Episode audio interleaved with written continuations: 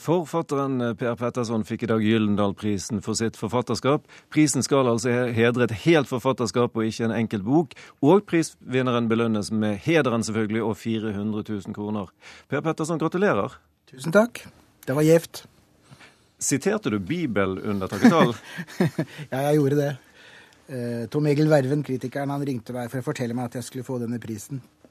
Og da ble jeg først litt eh, forundra og forvirra og glad. og så hva heter det, det rant meg i hu, da, denne sitatet fra Bibelen som sier eh, Den som har, skal få, og det i overflod. Så fortsetter det med litt tristere ting, men uh, da tenkte jeg at uh, Ja, det er jo meg litt, da. Hva mener du med det? Nei, jeg har jo fått veldig mange priser, og jeg tenker det at ja ja, måtte jeg få en til, da. Det var veldig fint å få den prisen. Men jeg tenkte også da at det kanskje var den andre også som tenkte det, at den som har, skal få Altså, da får han en til. Ja, at nå er det nok med ja, denne Per Petterson? Det tror jeg kanskje at de tenker, og det skjønner jeg veldig godt. Men, men jeg blei veldig glad. Ja, for du må jo det. altså. Det, ja, det men det er en pris for hele forfatterskapet. Og, ikke sant? Og jeg hørte jo begrunnelsen og hvordan den Jeg har jo ikke lest alle mine bøker sjøl, men det hadde tydeligvis denne juryen gjort, da. Så de begrunna det ut fra det, og det syns jeg var både interessant Virket det som en rimelig begrunnelse? Mer enn det, syns jeg. Jeg synes det var, eh, nei, det var veldig flott å høre noen snakke liksom, konsekvent om hele forfatterskapet og følge en slags tråd. Det var eh, fint. Veldig fint. Men du har fått en del eh, celebre priser, som Nordisk råds litteraturpris, Impact Dublin Literary Award, Bragepris, Kritikerpris, for å, å, å nevne noen. Er, er det, forstyrrer det deg? Ja, det gjør jo på en måte det, i den forstand at alle disse tingene tar veldig mye plass oppi hodet. Altså det tar plass overalt i familielivet. Det blir en del styr rundt det, da. Um, så det er jo ikke så veldig god arbeidstid akkurat når disse tingene foregår. Men det tar litt for mye plass, det er forstyrrende. Det er jo ikke sånn at det ødelegger noe i den forstand at jeg får noe prestasjonsangst. Det er jo ikke sånn det er, for kampen er jo bare å fullføre én bok til. Det er vanskelig nok. Um, nei, ikke forstyrrende, men Litt distraherende er det faktisk. Jeg stryker det spørsmålet om det skaper ekstra forventningspress, for det hadde jeg på blokken. Jeg tippa det. Derfor ja. tok jeg det med en gang. for å få det unna.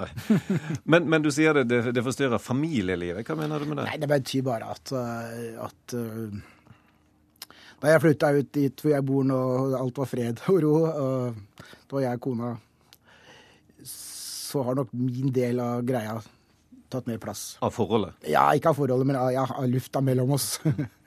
kan du si. Ja, det, er bare, altså, det tar stor plass. Det er vanskelig å akkurat måle det i centimeter. Men men det er jo, man blir litt sånn jumpy av det etter hvert. Uh, men, men, som sagt, denne prisen her i dag var jo det var kjempefint. altså. Ja. Hvordan er det med deg og, og, og, og, media å være ute og møte folk og presse og sånn? Har det si, bedret seg? Nei, det blir verre. Sier du det? Ja, det syns jeg. Så dette er noe av det verste du vet? Jeg var på TV-en i stad. Det var ille. Ja, altså jeg sitter jo her og slapper av for så vidt nå, det gjør jeg, men eh, jeg syns det er veldig vanskelig. Jeg var veldig nervøs i dag når jeg skulle liksom da takke litt og si litt ålreite ting. Det var jo nesten så jeg Ja, jeg skalv. ja, vi var nervøse for at du skulle komme, fordi at du har en, en, en, en, vane med å ikke stikke deg frem, for å si det mildt. Du trekker deg igjen tilbake og, og, og, og nekter oss journalister å få stille deg spørsmål. Jo, men altså, i høst så var det liksom litt latterlig med mediesky Petterson. Jeg var jo alle kanaler ei stund. Det var jo Ja, det var nesten litt leit. så da knustes den myten. Mm. Men det, ja, nei, jeg vil jo helst slippe, da. Du vil helst være for deg sjøl og skrive bøker? Ja. Det er jo best, det. Ja. Hvordan er møtet med publikum? Altså de som har lest bøkene og kommer bort, skal si noe? Jo, men det er veldig hyggelig.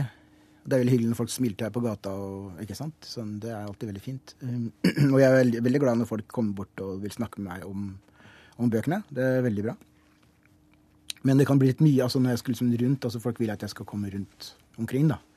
Så det har jeg trappa drastisk ned på, fordi det, ja, det ble litt uslitt. Ja.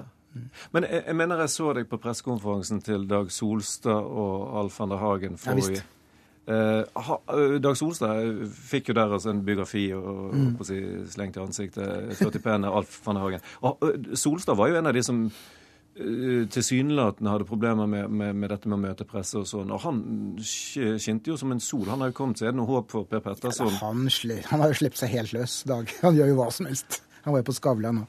Så det, det må jeg si. Han var jo veldig mediesky. Nei, eh, men jeg har jo vært mye mer åpen enn det han har vært. Altså. Så jeg, kanskje jeg skal gå den motsatte veien.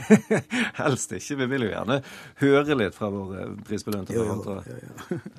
men, men, men, du er i, i, i, gang med bok ti, hvis jeg har telt rett? Ja, når jeg prøvde å ikke begynne på den, da. fordi jeg har alltid gjort det sånn at når jeg er ferdig med et manus, altså fra jeg er ferdig med manus til boka kommer ut, så går det alltid en viss tid. og da har jeg alltid tenkt at da bør du ha begynt på noe nytt før boka kommer ut. sånn at hvis det blir mye styr, så har du noe å holde deg fast i om morgenen. Og det bestemte jeg meg revolusjonært nok for ikke å gjøre denne gangen. Fordi jeg var litt materialtrøtt.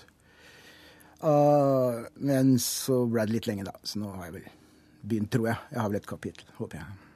Når får vi Per Petterson sin tiende bok? Ja, fire år. Da er jeg 64. Bekymrer alderen deg? Ja. De sier liksom at 60 er bare et tall, men da sier jeg at 60 er et ganske høyt tall, faktisk. Ja, Er det sånn at du er bekymret for at du får sagt alt du skal si?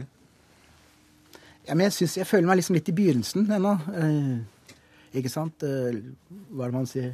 Hovedverk er framfor meg. Eh, og jeg tenker liksom sånn, da. Jeg gjør vel egentlig det. Eh, samtidig som jeg kjenner noen ganger at eh, orker jeg det? Hovedverket? Ja, så har du muskler nok. Etter at du er 60. Jeg vet ikke. Eh, men jeg føler meg liksom litt ny. Men, eh, men, eh, men, den tiende boken er på vei. og vi, Om vi får vente i fire år, så får vi jo gjøre det. I dag så er jeg superglad for at du trosset din egen frykt for journalistikk og folk og kom i studio til Kulturnytt. Gratulerer med dagen. Tusen takk.